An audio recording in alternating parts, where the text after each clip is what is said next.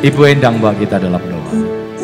Dan intinya kami mengucap syukur Tuhan atas apa yang berkat yang telah kau limpahkan kepada kami Bapa Hingga siang ini Tuhan kami masa, masih layak Haleluya. untuk memu- memuji memuliakan Amin. namamu Tuhan Terima Dan bila kasih. apa yang kami pujikan ini menjadi dupa yang harum di hadapanmu Amin. Sekarang giliran engkau Tuhan kami akan duduk mendengarkan setiap Haleluya. apa yang keluar dari bibir mulut hambamu Tuhan Dan biarlah berasal dari engkau saja Tuhan Beri, beri beliau hikmat, beri beliau roh kudus Tuhan Sehingga apa yang disampaikannya tertanam di hati kami menjadi rema dalam kehidupan kami dan kami akan menjalankan semua perintah-perintahmu Bapa. Terima kasih Tuhan berbicaralah dengan bahasa yang kami mengerti sehingga kami dapat mengerti apa yang kau mau dalam kehidupan kami. Terima kasih Bapa hanya di dalam nama Yesus kami berdoa mengucap syukur haleluya.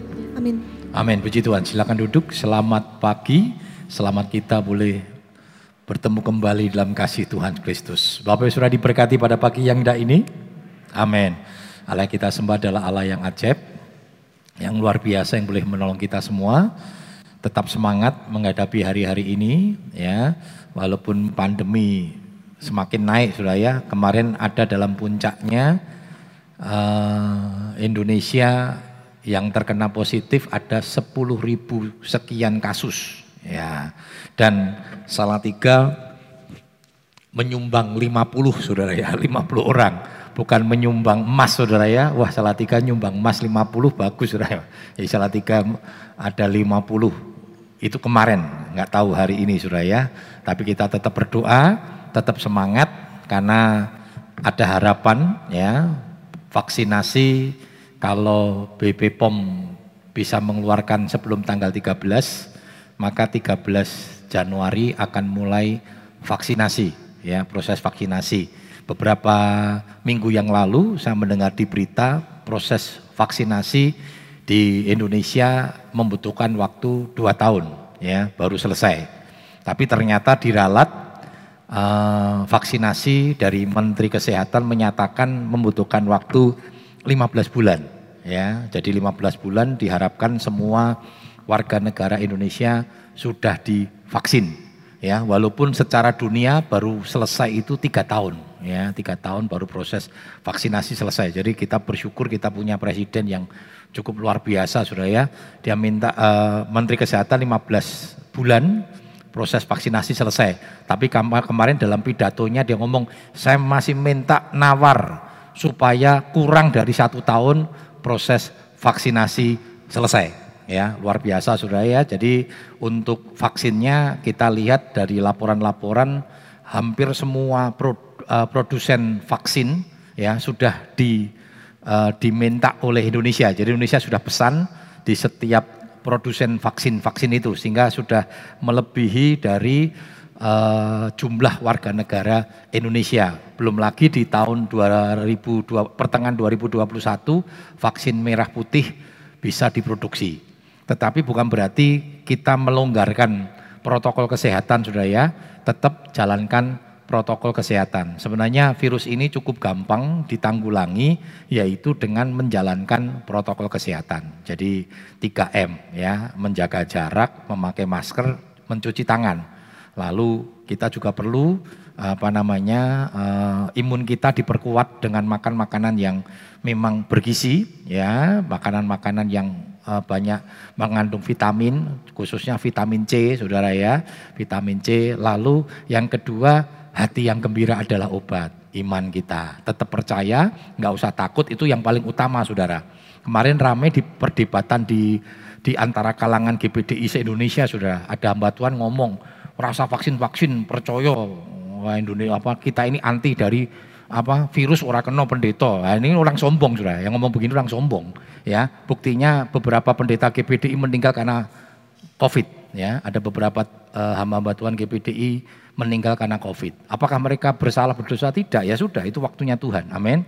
Matinya nggak penting, ya cara matinya nggak penting, tetapi kita percaya adalah bagaimana kita hidup itu yang paling penting, sudah ya. Bagaimana kita menjaga ketika kita masih hidup, kita mempersembahkan hidup kita bagi Tuhan. Ya, puji Tuhan. Firman Tuhan pada uh, pagi yang indah ini temanya adalah finishing well atau setia sampai akhir atau menyelesaikan sampai akhir dengan baik ya itu finishing well. Mari kita sama-sama melihat firman Tuhan dalam 2 Timotius 4 ayat 7 hingga yang ke-8. Saya undang kita bangkit berdiri, kita akan membaca ayat ini bersama-sama. 2 Timotius 4 ayat 7 hingga yang ke-8. Di 2 Timotius 4 ayat 7 hingga yang ke-8 kita akan baca ayat ini bersama-sama. Dua, tiga. Aku telah mengakhiri pertandingan yang baik, aku telah mencapai garis akhir, dan aku telah memelihara iman. Sekarang telah tersedia bagiku mahkota kebenaran yang akan dikaruniakan kepadaku oleh Tuhan, hakim yang adil pada harinya. Tetapi bukan hanya kepadaku, melainkan juga kepada semua orang yang merindukan kedatangannya. Puji Tuhan, silakan duduk. Ayat ini sering kali saya sampaikan ketika ada ibadah duka cita atau ibadah penghiburan. Tetapi ayat ini bukan hanya untuk orang-orang yang sudah meninggal dunia, tetapi ayat ini penting bagi kita. Ketika saya sampaikan khotbah ini sebenarnya bukan untuk yang meninggal, Saudara. Karena yang meninggal nggak ada urusan ya. Dia sudah meninggal selesai, Saudara ya. Tetapi ayat ini sering kali saya sampaikan untuk mengingatkan kepada kita orang-orang yang masih diberikan kesempatan Tuhan untuk menikmati kehidupan. Nah, saudara, ayat ini tersirat di dalamnya ingin menyatakan kepada kita bahwa sesungguhnya yang namanya dunia ini atau semua yang ada di dalamnya itu bersifat fana termasuk kehidupan manusia ya. Jadi kehidupan manusia itu bersifat fana. Bahkan nanti kalau kita melihat di dalam Eh, satu Petrus dikatakan semua yang hidup itu termasuk manusia itu seperti rumput. Kenapa digambarkan rumput bukan anggrek saudara? Ya, rumput itu punya usia yang sangat pendek, betul saudara ya. Rumput itu punya usia yang sangat pendek. Bahkan dikatakan kemuliaannya itu seperti bunga rumput. Nah, saudara kalau lihat bunga rumput itu biasanya bertahan cuma satu hari, ya. Pagi-pagi mekar, bagus, merah warnanya. Nanti siang itu sudah layu, ya, sudah habis. Nah, artinya apa? Kemuliaan manusia itu sangat pendek, sangat singkat. Karena itu jangan pernah kejar kemuliaan manusia. Berapa banyak orang di dunia ini ngejar kemuliaan manusia, saudara. Sehingga akhirnya dia kecewa terjadinya kekacauan di dunia ini, di Amerika terjadi kekacauan. Kenapa saudara? Karena ingin mempertahankan kemuliaan manusia. Padahal manusia tidak punya hak dalam hal kemuliaan. Kemuliaan itu sepenuhnya untuk Tuhan. Ya, Roma 11:36 dikatakan sebab segala sesuatu dari dia oleh dia bagi dialah kemuliaan. Tetapi sering kali Tuhan izinkan kita menikmati kemuliaannya Tuhan ya kita diizinkan kita dimuliakan di dunia ini. Nah, ketika Tuhan izinkan itu kita bersyukur tetapi tidak boleh menahan kemuliaan itu. Segera kemuliaan itu dikembalikan untuk Tuhan. Berapa banyak sering kali Tuhan izinkan kita dimuliakan melalui jabatan, melalui pekerjaan, melalui prestasi dan sebagainya. Nah sering kali ketika kita menerima itu kita menganggap ini adalah hak kita, ini adalah milik kita yang harus kita pertahankan Ya, padahal kemuliaan itu semuanya hanya untuk Tuhan. Segera kembalikan semua kemuliaan itu hanya untuk Tuhan. Itu membuat kita tidak sombong. Bahkan ketika kemuliaan itu harus diambil sekalipun kita tidak perlu marah. Karena itu memang bukan hak kita. Itu bukan milik kita. Itu milik Tuhan yang harus segera kita kembalikan untuk Tuhan. Nah saudara ketika dikatakan bahwa segala sesuatu yang ada di dalam dunia itu tidak kekal, tidak fana, artinya apa saudara? Segala sesuatu yang ada di dalam dunia itu pasti berakhir. Ya Pasti mengalami titik akhir, titik finish. Nah karena itu yang penting bagaimana kita bisa mencapai titik finish itu. Bagaimana kita bisa mencapai garis akhir itu. Alkitab katakan tentang usia, ya manusia itu 70 hingga 80 tahun saja. Ya, nanti kalau kita lihat sejarah manusia itu kan mengalami penurunan secara usia. Kalau kita melihat zamannya Adam itu 900, ya Adam itu 930 tahun sudah ya. Nanti zamannya Nuh itu masih di atas 900. Ya Nuh itu adalah usia tertua kedua setelah Metusalah. Ya, nanti mulai turun sudah ya, mulai turun. Nanti Abraham itu 175 tahun. Musa 120 tahun. Nah, mulai turun terus sudah sampai Daud ya. Sampai Musa berkata, ya, dia berkata usia manusia itu 70 80 tahun saja. Ya. Lalu kita tahu Daud itu usianya 70 tahun sudah. Jadi kalau ada bapak saudara yang usia 80, 70 tahun lebih bersyukur. Berarti saudara lebih dari Daud. Daud itu usianya cuma 70 tahun. Itu pun masa tuanya sakit-sakitan saudara. Ya, masa tuanya sakit-sakitan.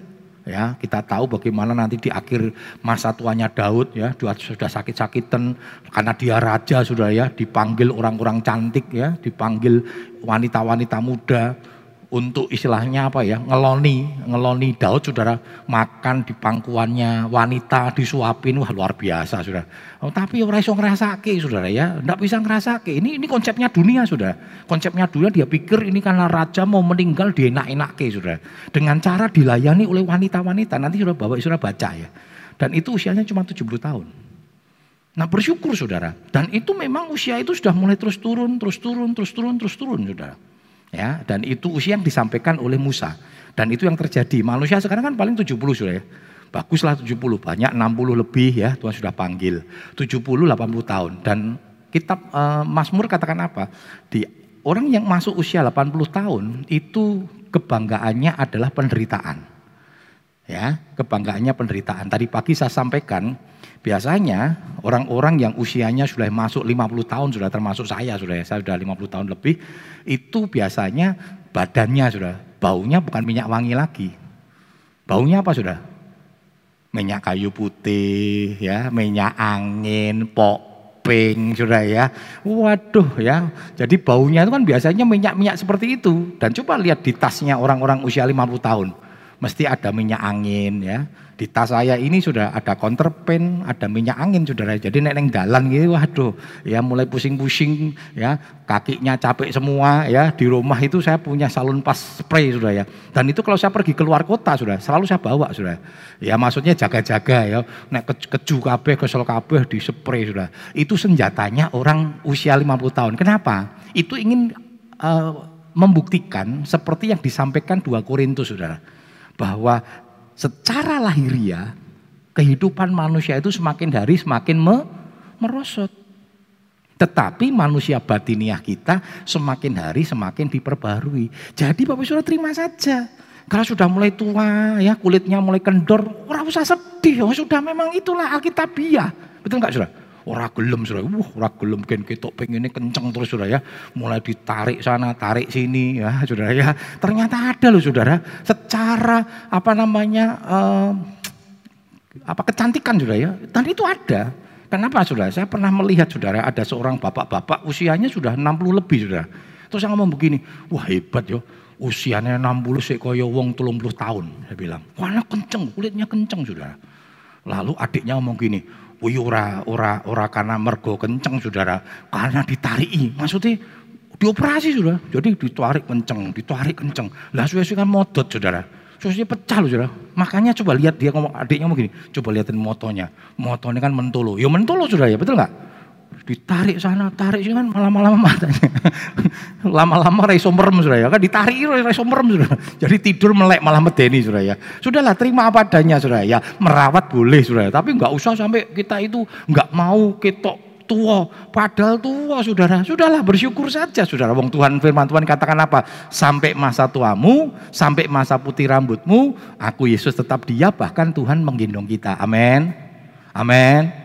Enggak usah ribut saudara. Ya, makanya saya berkomitmen untuk tidak mencat rambut saya. Ya, biarkan aja saudara ya, putih hesben wong firman Tuhan ngomong sampai masa tuamu, sampai masa putih rambutmu. Ya anak saya yang kedua itu sering kali ribut, pih mbok dicat karena saya paling dua tuh takut kalau orang tuanya tua saudara. Ya ini tidak mau tua saudara. Dulu ada jemaat kita yang tua sekali ya, mbah siapa itu ya, yang 100 lebih ya, yang di Kalioso ya tua saudara, dia kalau lihat itu, waduh dia takut saudara. Waktu anak saya masih kecil, ya kalau rayon dia datang dia takut. Lalu dia tanya begini, besok papi mami kalau tua ya seperti itu. Iya, nggak boleh katanya, nggak boleh. Oh saya bilang nggak bisa ya, mau nggak mau kan kita tua saudara, betul? Ya, itu nggak bisa dipungkiri, tua itu pasti, itu slogannya, slogannya usia anugerah sudah tua itu pasti. Pasti kita tidak mungkin nggak akan mengalami masa tua. Tetapi yang penting bagaimana kita memelihara iman kita sampai akhir hidup kita. Kematian bukan sesuatu yang penting bagi hidup kita ya. Karena itu kita nggak usah takut mati karena mati urusan Tuhan. Tidak ada satu kekuatan pun yang mampu menahan ketika kematian itu tiba Ya, sekalipun kita masih muda ngomong Tuhan jangan panggil saya anakku si cilik, tak sudah jatahnya mati yo mati sudah. Soal anak, soal yang hidup bukan urusan orang yang mati. Yang hidup itu urusan Tuhan dan Tuhan mampu memelihara, Tuhan mampu menolong. Buktinya saya sudah. Mama saya meninggal usia sangat muda 42 tahun, ya. Waktu itu juga mengalami posisi kondisi yang tidak nyaman sudah.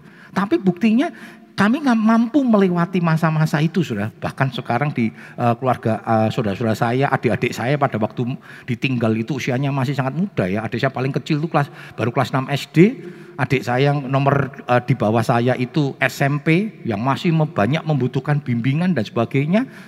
Tetapi toh kami bisa melewati itu sampai sekarang bahkan kami sekarang diberkati oleh Tuhan.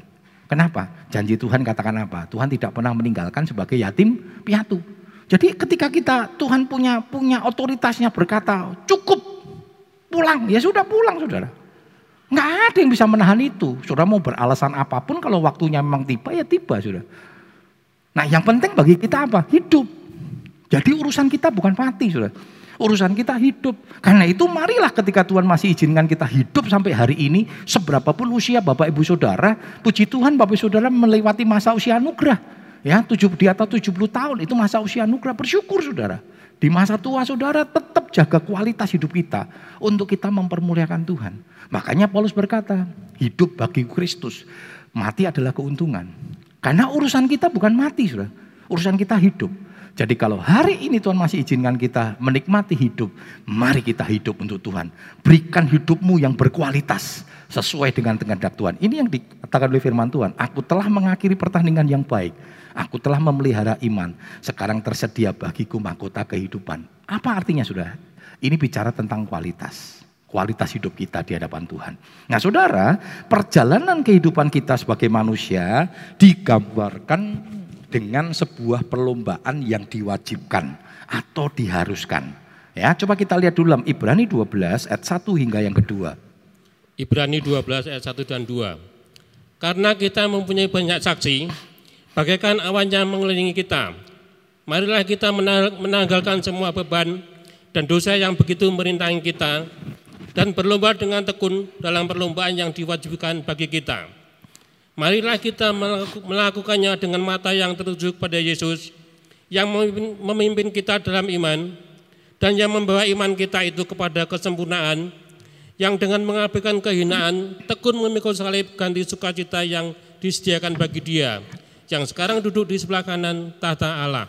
Iya, firman Tuhan mengingatkan kepada kita, menggambarkan kepada kita bahwa hidup itu digambarkan seperti perlombaan yang diwajibkan.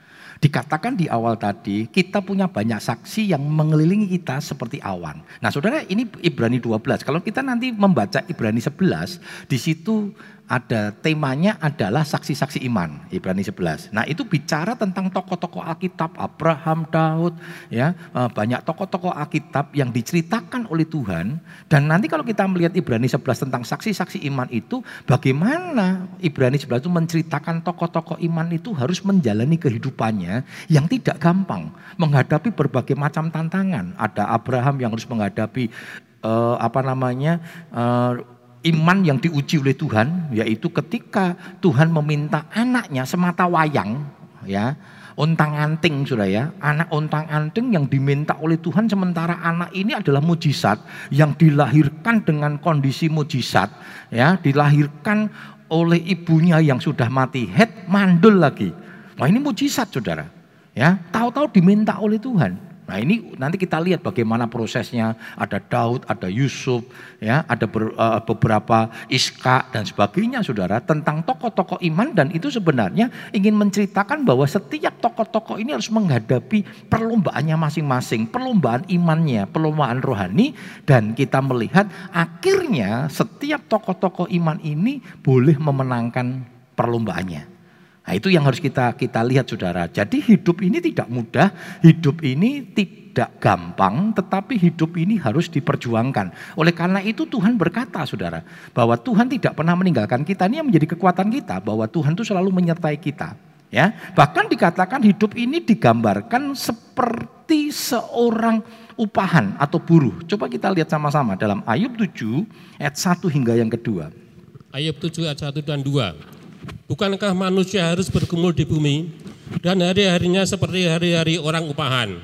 Seperti kepada seorang budak yang merindukan naungan, seperti kepada orang upahan yang menanti-nantikan upahnya. Perhatikan saudara, digambarkan bahwa hidup itu tidak gampang. Hidup itu dikatakan seperti orang upahan, manusia harus bergumul di bumi ini memang akibat dari dosa saudara. Ya, dosa inilah yang menyebabkan manusia hidup dalam kesukaran. Manusia hidup dalam kesulitan. Ya, kita tahu bagaimana hukuman Tuhan kepada Adam sebagai kepala rumah tangga dikatakan bumi akan memusuhi. Kita harus berjeri lelah, kita harus bersusah payah untuk mempertahankan hidup. Ya, untuk mempertahankan hidup itu karena dosa. Karena itu hidup itu tidak mudah. Hidup itu tidak gampang. Dikatakan seperti seorang upahan yang harus diperjuangkan. Ya, harus diperjuangkan, harus di uh, apa dikerjakan dengan sungguh-sungguh. Itulah hidup, itulah kenyataannya. Makanya nanti kalau kita melihat di dalam Wahyu 14:13 dikatakan ketika seseorang itu mengakhiri hidup dikatakan berbahagia. Kenapa? Karena orang yang sudah dipanggil Tuhan di dalam Tuhan, ya itu akan dilepaskan dari setiap jeri lelah, dilepaskan dari setiap perlombaan yang diwajibkan, yang senang tidak senang, suka tidak suka, kita kan harus ikuti terus untuk mempertahankan iman. Kalau saudara tidak mau menyelesaikan pertandingan itu ya akibatnya fatal saudara. Saudara tidak akan mendapatkan perhentian bersama-sama dengan Tuhan di surga yang mulia. Masih ingat saudara, kita sebagai anak-anak Tuhan sebenarnya nggak perlu takut. Firman Tuhan minggu yang lalu, kita ini punya pengharapan, pengharapan itu seperti sau, seperti jangkar yang sudah dilabuhkan sampai di belakang tabir. Itu bicara tentang kekekalan. Kehidupan manusia, orang-orang percaya sudah dijamin oleh Tuhan, bahkan sampai kepada kehidupan yang kekal.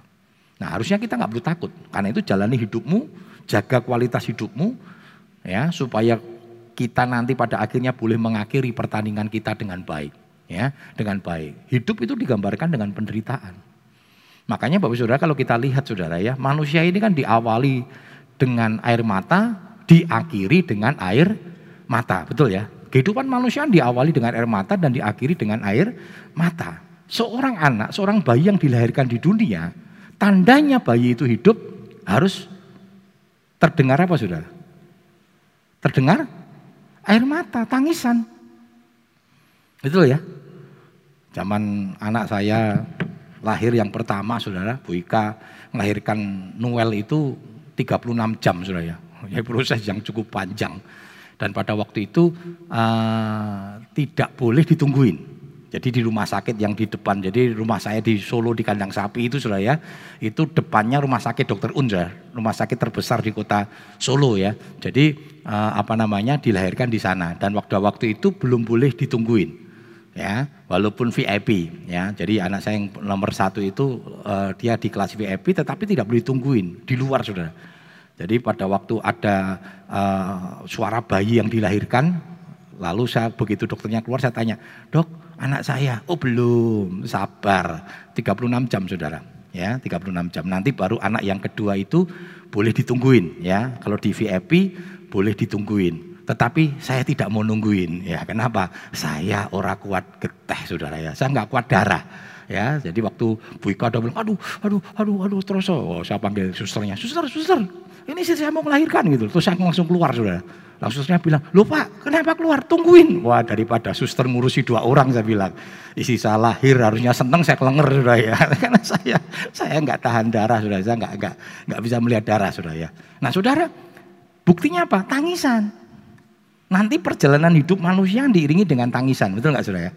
Mulai tangis, mulai di, mulai anak ini bisa berjalan, senjata nih anak itu kan nangis.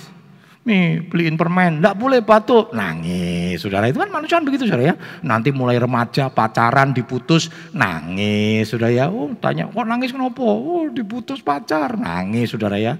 Waduh orang pacaran tuh banyak di apa namanya disertai dengan air mata. Ya, tapi saya bersyukur saudara ya. Tanya Bu Ika, Bu Ika tidak pernah menangis saudara ya, menangis karena karena saya sakiti saudara ya. Kita belajar saudara ya untuk saling saling memberikan yang terbaik.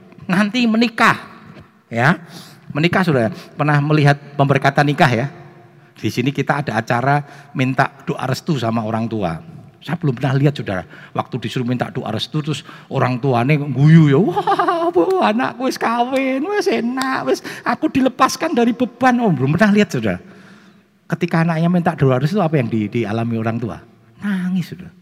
Nangis. Saya tidak tahu nangis itu kenapa, tidak ngerti sudah. Karena saya belum ngalami.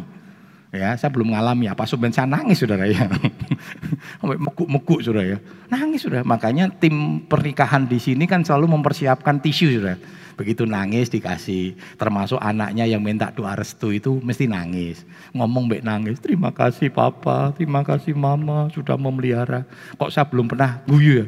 Mah makasih ya Maya sudah melihara aku mah. Enggak ada saudara. Belum pernah sudah. Nangis sudah. Nangis betul ya. Nanti menikah Wah banyak air mata yang sudah tercurah ya. Seringkali kan curhatnya ibu-ibu ya. Aduh gitu nek di air mata waktu pernikahan tuh kalau ditampung bisa Wah ber, berember-ember kata saudara. Wah itu terlalu lebih juga saudara ya. Mau nangis ya. Kontra anik entek nangis ya toh. Sisu anak sekolah yo nangis. Karena bayar saudara ya. Jadi kadang itu hidup kan masalah saudara. Betul nggak saudara? Menikah masalah, tidak menikah mah salah. Betul nggak saudara ya? Orang nikah, wis tuh orang nikah-nikah kan itu masalah sudah ya. Tapi begitu nikah, ya masalah. Masalah semua masalah, betul nggak? Punya anak masalah, tidak punya anak masalah. Betul nggak sudah? Nggak punya anak kan sembayang nangis Tuhan, tolong Tuhan punya anak nangis sudah. Dikai anak masalah sudah. Anak eh sakit, ya, betul nggak sudah ya? Ngalami lu sudah. Pasti kan ada masalah untuk anak-anak, betul nggak? Wanake mulai gede, sekolah masalah, ora sekolah masalah, ora sekolah anak ra di sekolah ki. Nek nek sekolah yo ya masalah duite sudah. Engko ibu-ibu ribut, anake kudu sinau, belajar berantem goro-goro sekolah. Ya itulah hidup, betul? Bahkan nanti ketika manusia harus mengakhiri perjalanan hidupnya, manusia diiringi dengan air mata. Walaupun firman Tuhan berkata kematian anak-anak Tuhan itu berbahagia berharga, yo ya tetap nangis. Belum saya belum pernah lihat saudara ya, orang yang tinggal meninggal walaupun di dalam Tuhan saudara ada pengharapan guyang-guyu. Oh, haleluya, terima kasih Bapak Saudara. Saya bahagia hari ini karena suami saya sudah meninggal dunia, meninggal di dalam Tuhan. Ya ora ono saudara. Walaupun baik nangis sudah ya, oh terima kasih. Saya percaya walaupun saya sedih, tetapi orang yang saya kasih saat ini bersama dengan Tuhan. Itulah hidup. Itu gambaran bahwa hidup itu tidak mudah. Hidup itu sulit dan harus diperjuangkan. Makanya kitab Wahyu berkata, berbahagialah orang yang mati dalam Tuhan. Sebab sejak hari ini dia dilepaskan dari setiap jerih lelah. Bagi yang meninggal sudah ya, tetapi bagi yang ditinggal pasti sedih, betul? Bagi yang ditinggal enggak apa-apa. Makanya soal kematian sudah kita nggak usah ngurus sudah, nggak usah takut dengan kematian. Saudara mau takut nek kematian datang ya datang sudah. Tetapi yang kita lakukan apa? Syukuri kalau engkau masih hidup hari ini. Amin. Karena hidup itu adalah kesempatan. Lakukan yang terbaik. Ya. Jadikan hidupmu berkualitas. Dalam rumah tanggamu berkualitaslah ketika engkau masih hidup. Jadilah ibu yang berkualitas, jadilah istri yang berkualitas, jadilah suami yang berkualitas, jadilah bapak yang berkualitas. Sehingga ketika waktu itu tiba, sudah nggak kecewa. Sebagai anak, jadilah anak yang berkualitas. Sebagai cucu, saya puas saudara. Saya punya nenek sudah, saya begitu dekat dengan mereka semua. Baik dari nenek saya maupun neneknya Bu Ika sudah. Saya dekat ya, saya layani. Saya cucu paling besar ya. Nenek saya itu kalau saya sama saya dekat sudah. Waktu itu saya masih kuliah di kota Jakarta. Asal pulang nenek saya bilang, pokoknya turun neng omah mak katanya. Sudah tidur sudah. Saya layani selama dia hidup. Neneknya Bu Ika walaupun dia konghucu sudah, saya layani selama dia hidup. Dia senangnya beribadah ke kelenteng sudah. Saya antar sampai saya diprotes saudara. Ada anak mbak Tuhan ada anak Tuhan ngomong gini, Pak Gus kan pendeta, kok ngeterke neng kelenteng. Lu saya ke kelenteng bukan untuk saya beribadah saudara. Saya ngaterkan neneknya Bu Ika karena saya harus berbakti kepada dia. Saya antar sudah. Pokoknya sampai kelenteng, tak antar, dia sembahyang, saya tunggu di mobil. Nanti pulang saya antar lagi. Dia senang sudah. Kalau dengar ada kelenteng mana saya antar sudah. Kenapa sudah? Saya dekat. Tapi saya bersyukur sudah. Ketika dia mulai sakit sebelum meninggal. Saya terus injili sudah. Karena dia dekat sama saya kan. Saya cucu mantu yang paling dekat. Cucunya aslinya aja nggak dekat sudah. Saya dekat. Saya layani terbaik sudah. Saya injili dia dan saya bersyukur. Satu minggu sebelum meninggal dunia Waktu di rumah sakit saya sama istri saya yang sudah komitmen begini, pokoknya pagi sampai sore saya saya akan nungguin. Ya waktu itu saya sudah di, apa namanya datang ke Jakarta waktu sakit dan saya punya kesempatan untuk nginjili dan dia mau didoakan dan bertobat dia terima Yesus. Walaupun dia meninggal dengan cara konghucu, tapi saya percaya dia percaya sama Tuhan. Bagaimana saya bisa melayani dia kalau saya tidak memberikan hidup saya untuk untuk nenek saya? Makanya dengan cara karena dia Konghucu sudah di China, di orang Chinese sudah ada namanya Pai Kui, ya. Saya bilang begini sama uh, uh, apa omnya yang paling besar. Karena semua cucu disuruh Pai Kui sebenarnya. Saya bilang begini, maaf om ya, saya nggak bisa Pai Kui saya bilang. Saya pendeta, saya orang Kristen, saya punya iman, saya punya kepercayaan. Kalau Kui itu hanya untuk menunjukkan bahwa saya mencintai nenek, semua keluarga besar ini tahu. Saya yang paling mencintai nenek, saya bilang. Saya sudah melayani nenek saya ketika nenek masih hidup. Bahkan pada waktu belum jadi nenek. Calon cucu mantu, saya sudah layani dengan baik. Jadi saya tidak bisa lakukan itu. Tolong kalau peku itu hanya untuk menunjukkan saya sayang dan menghormati nenek. Selama hidup nenek, saya sudah berikan itu. Dan semua mengakui sudah, karena mereka tahu, oh ya Gus, saya hormati. Saya hormati kamu. Ya, saya hormati kepercayaan kamu. Jadi saya sama Ika tidak bisa pekui, saya bilang. Saya pendeta, saya bilang. Tetapi apa yang saya kerjakan, saya sudah kerjakan. Dan saya sudah berikan yang terbaik. Kalau mati buat apa sudah? Mati nangis-nangis nyembah buat apa saya bilang. Saya sudah berikan itu. Dan akhirnya mereka menghormati saya dan berkata, oke okay, Gus, cuma satu tugasmu. Apa? Kata sambutan. Nah ya sudah kalau kata sambutan pendeta kan pinter ngomong katanya. Sudah kamu yang kata sambutan. Oke okay. kalau kata sambutan oke. Okay. Sudah berikan hidup. Ke papa saya saya sudah berikan hidup. Saya punya mama sekarang tinggal satu ya mama dari Bu Ika. Saya sampaikan pada istri saya, layani mama kita. Berikan yang terbaik. Jangan nanti nek mati agen yang kuburan gue wondok gue iwak pitik. Percuma saudara, reso ngerasaki. Mumpung masih hidup, layani orang tuamu. Berikan yang terbaik sama orang tuamu. Itu komitmen saya. Orang tua saya, dari saya sendiri saya sudah layani sampai akhir hidup mereka sudah. Papa saya saya openi sampai meninggal. Berikan yang terbaik untuk Tuhan. Mari kualitas hidupmu. Selama engkau masih hidup. Itu kesempatan kita memberikan yang terbaik untuk Tuhan. Amin. Apa yang Tuhan percayakan dalam hidupmu. Jangan nanti kau sudah. Kita tidak punya kesempatan sudah. Baru nangis. Baru nyesel. Tidak bisa sudah. Punya istri, layani istrimu dengan baik. Punya suami, layani suamimu dengan baik. Orang tuamu, layani mereka. Apa pun yang Tuhan percayakan dalam hidupmu. Kerjakan dengan kualitas yang hebat di hadapan Tuhan. Nah saudara, ada tiga hal yang perlu kita perhatikan ketika kita harus menyelesaikan pertandingan rohani. Yang pertama, mengakhiri pertandingan yang baik. Ya, kata mengakhiri dalam bahasa Yunani disebut dengan aguni somai, bukan somai ayam saudara ya, aguni somai. Nah artinya apa saudara? Aguni somai ini artinya kerja keras dengan penuh semangat berjuang walaupun menghadapi kesulitan ya. Kita mengakhiri pertandingan dengan baik itu artinya pada waktu kita menjalani hidup ini nggak gampang. Kita diperhadapkan dengan kesulitan pasti. Ya tadi sudah saya sampaikan data-data dari firman Tuhan bahwa hidup itu tidak mudah. Data-data dari tokoh-tokoh iman yang kita melihat bagaimana perjalanan hidup kita hidup mereka tidak mudah tetapi mereka bisa menyelesaikan pertandingan itu dengan baik. Nah kata mengakhiri itu mari kita terus berjuang sudah. Walaupun hidup ini sulit. Walaupun hidup itu tidak gampang. Tetapi kita terus berjuang. Supaya kualitas hidup kita tetap kita pertahankan. Ya, Dalam menyelesaikan pertandingan bukan hanya menang yang menjadi target kita. Tetapi menyelesaikan dengan baik. Artinya apa? Sesuai aturan pertandingan. Mari kita menyelesaikan pertandingan kita dengan baik itu artinya hidup sesuai dengan firman Tuhan. Firman Tuhanlah yang menjadi patokan dalam hidup kita. Makanya firman Tuhan dikatakan bahwa dalam Mazmur 119, 105 dikatakan firman itu pelita bagi kakiku, terang bagi jalanku.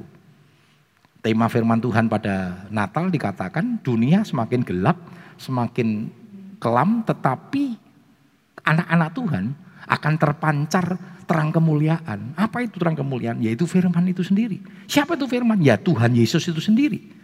Ya, Yesus itu adalah firman. Maka menjadi terlalu sombong bagi kita kalau kita hidup ini merasa tidak perlu firman. Ya, hidup merasa tidak perlu firman. Ini adalah sebuah kesombongan yang luar biasa, Saudara, yang perlu kita perhatikan. Ya, mari kita sama-sama melihat di dalam 1 Timotius 6 ayat yang ke-12. 1 Timotius 6 ayat 12. Bertandinglah dalam pertandingan iman yang benar dan rebutlah hidup yang kekal. Untuk itulah engkau telah dipanggil dan telah engkau ikrarkan ikrar yang benar di depan banyak saksi. Ya, dikatakan bertandinglah dengan dalam pertandingan iman yang benar dan takutlah rebutlah hidup yang kekal. Itu bicara tentang hidup sesuai dengan firman Tuhan. Ya. Mari kita hidup sesuai dengan firman Tuhan. Jangan bertoleransi dengan dosa. Jalankan firman Tuhan secara utuh. Jalankan firman Tuhan secara total. Jangan menjalankan firman Tuhan hanya kepada firman Tuhan yang menurut kita baik. Menurut kita enak. Yang tidak cocok, tidak usah lah. Tidak bisa saudara. Tidak bisa. Menjalankan firman Tuhan harus dengan total, dengan sepenuh hati. Yang kedua, Bagaimana kita bisa menyelesaikan pertandingan rohani kita? Yang kedua, kita harus mencapai garis akhir. Harus mencapai garis akhir. Pertahankan imanmu sampai garis akhir. Ya. Nah, Saudara, kata garis akhir atau finish itu dalam bahasa Yunani disebut dengan teleo. Ya, teleo itu memiliki menyelesaikan hingga tuntas mengakhiri dengan lengkap atau penuh. Jangan berhenti di tengah jalan. Berapa banyak anak-anak Tuhan di tengah jalan karena persoalan, karena tekanan, karena masalah akhirnya tinggalkan Tuhan. Sangat ironis saudara. Pada waktu kita punya persoalan, kita punya beban hidup, kita tinggalkan Tuhan. Itu ironis, kenapa? Bersama dengan Tuhan saudara aja tinggalkan bagaimana saudara menghadapi persoalan sendiri. Tidak mungkin mampu. Tidak mungkin mampu saudara menghadapi dengan kekuatanmu sendiri. Jangan pernah berpikir ketika engkau tinggalkan Tuhan terus engkau bisa tough. Bisa semakin parah kita ini. Saya melihat kesaksian hidup orang-orang yang tinggalkan Tuhan terpuruk. Enggak semakin baik. Semakin terpuruk saudara. Karena itu jangan pernah tinggalkan Tuhan. Apa pun. Saudara masih ingat ya eh, pernyataannya Daud dalam Mazmur 73 tentang pergumulan itu. Bagaimana dia mulai apa sedikit marah dengan Tuhan, sedikit protes dengan Tuhan. Ketika dia melihat hidupnya orang fasik itu sepertinya diberkati. Sementara dia harus menghadapi kondisi-kondisi yang tidak nyaman dan tidak enak. Ketika dia harus tetap, walaupun dia tetap mempertahankan Tuhan, mempertahankan cintanya kepada Tuhan. Lalu Tuhan mengizinkan Daud dibuka mata rohaninya saudara. Sehingga dia bisa melihat akhir hidup dari orang fasik itu. Orang fasik itu walaupun kelihatannya senang, kelihatannya berbahagia. Tetapi sebenarnya sedang menuju kepada satu jurang kehancuran saudara. Tapi sementara Daud walaupun harus mengalami berbagai macam tantangan. Dia melihat tangan Tuhan selalu terkedang untuk menolong Daud. Saudara. Demikian juga hidup kita. Walau kita harus menghadapi berbagai macam kesulitan, jangan takut janji Tuhan kan. Kita nggak perlu takut. Janji Tuhan katakan, aku akan menyertai sampai akhir zaman. Ketika Yesus lahir dikatakan namanya disebut Immanuel. Tuhan Yesus menegah, meneguhkan kembali janjinya. Sebelum dia naik ke surga dia berkata, aku akan menyertai sampai akhir zaman. Bahkan Ibrani mengingatkan kembali, aku sekali-kali tidak, tidak, tidak, tidak, tidak akan meninggalkan dan membiarkan engkau. Apa sih yang membuat kita menjadi takut menghadapi hidup ini? Kalau kita tahu Tuhan beserta dengan kita. Bahkan ketika Tuhan beserta dengan kita berulang-ulang saya sampaikan Roma 8:28 berkata, Dia mengerjakan bukan untuk kebaikan Tuhan, tetapi untuk kebaikan kita yang mengasihi Tuhan. Luar biasa. Jadi Saudara jangan takut ketika engkau sedang terpuruk, Ketika engkau sedang tersolimi, ketika engkau sedang kondisi-kondisi yang paling bawah, di titik paling rendah saudara. Karena Tuhan izinkan kau menghadapi itu. Di situ ada tangan Tuhan. Di situ ada kuasa Tuhan yang yang siap untuk menolong kita. Kalau itu diizinkan Tuhan, Tuhan punya rencana yang terindah di balik itu semua. Peristiwa Yusuf, kita harus tahu. Mengalami titik yang paling rendah Yusuf itu saudara. Tapi dia tetap semangat. Dia tidak pernah menyalahkan Tuhan. Karena dia terlalu yakin bahwa Tuhan sedang menyiapkan satu rancangan yang terindah untuk hidupnya. Dan kita tahu sudah bagaimana rancangan Tuhan itu boleh dinyatakan. Karena sudah jangan pernah mundur. Selesaikan pertandingan imanmu. Walaupun hari-hari ini kita sedang berada pada kondisi yang paling tidak enak. Bahkan titik terendah sekalipun sudah. Jangan takut. Walaupun titik terendah ada kuasa Tuhan yang akan menaikkan kita kembali. Kalau kita percaya kepada kekuatan dan kasih setia Tuhan. Saudara kita menteladani apa yang Yesus telah pernah berikan saudara. Tuhan Yesus itu menyelesaikan tugasnya sampai akhir, sampai tuntas. Coba kita lihat dalam Yohanes 4:34. Yohanes 4 ayat 34. Maka kata Yesus kepada mereka, Makananku ialah melakukan kehendak dia yang mengutus aku dan menyelesaikan pekerjaannya. Perhatikan saudara, kita tahu bagaimana Tuhan itu menyelesaikan pekerjaannya. Pada waktu dia berdoa di Taman Getsemane sebelum dia menjalankan jalan Via Dolorosa, dia sempat berkata, Tuhan, jikalau boleh cawan ini lalu daripadaku. Dagingnya sempat pengen tidak melewati, tidak menyelesaikan saudara. Tapi kita bersyukur ketika Tuhan Yesus tidak menyelesaikan kalimat itu. Ketika dia berkata, tetapi bukan kehendakku yang jadi, tetapi kehendakmu yang jadi.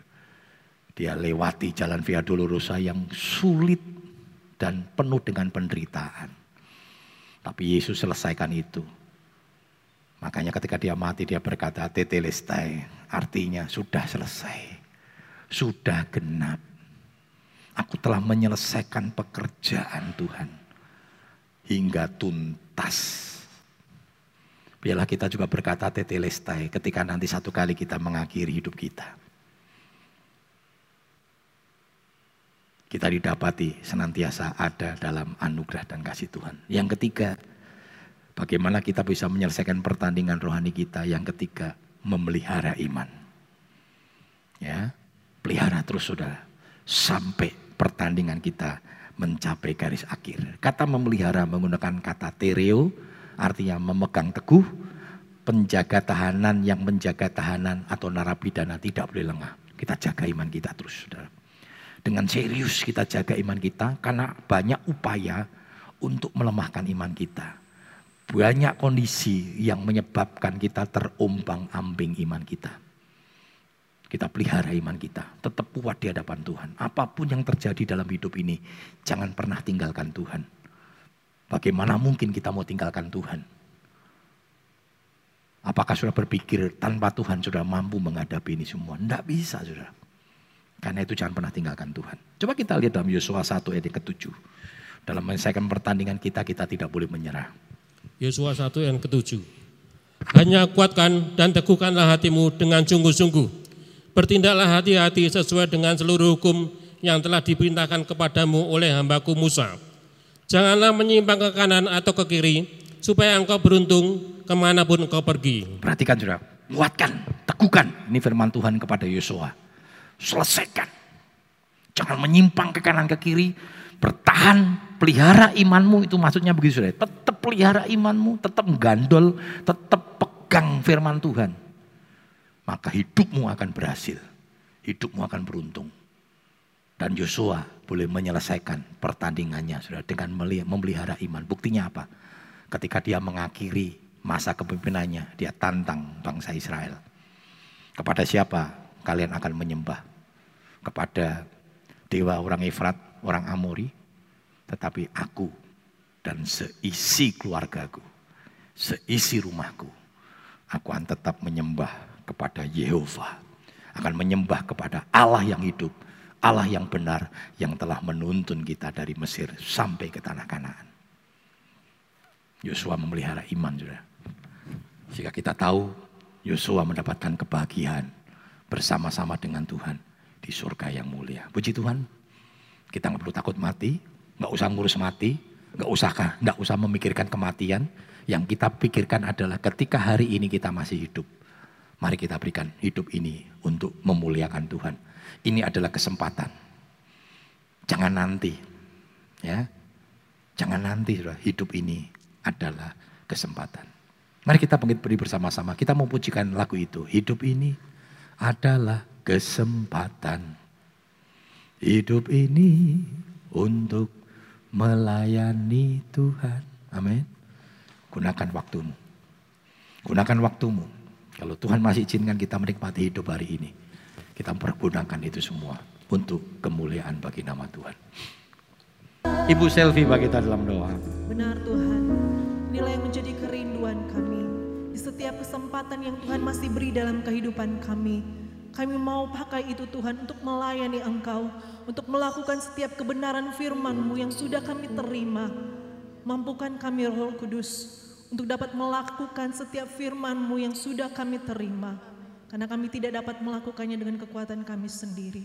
Kami mengucap syukur untuk berkat firman Tuhan yang sudah kami dengar pagi hari ini. Berkati hambamu, urapan Tuhan terus mengalir dalam kehidupan hambamu.